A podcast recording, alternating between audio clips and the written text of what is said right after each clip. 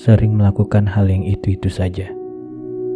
Memikirkan sesuatu terus-menerus. Semakin lama, semakin membebani. Seperti keledai yang mengangkut barang.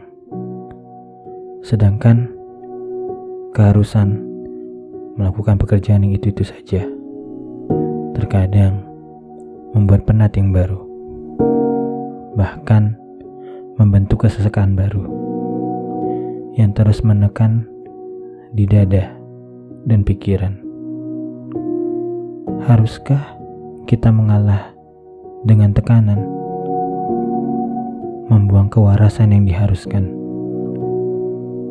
ataukah boleh ditinggalkan sejenak untuk menarik napas sedikit agar dapat melangkah lagi?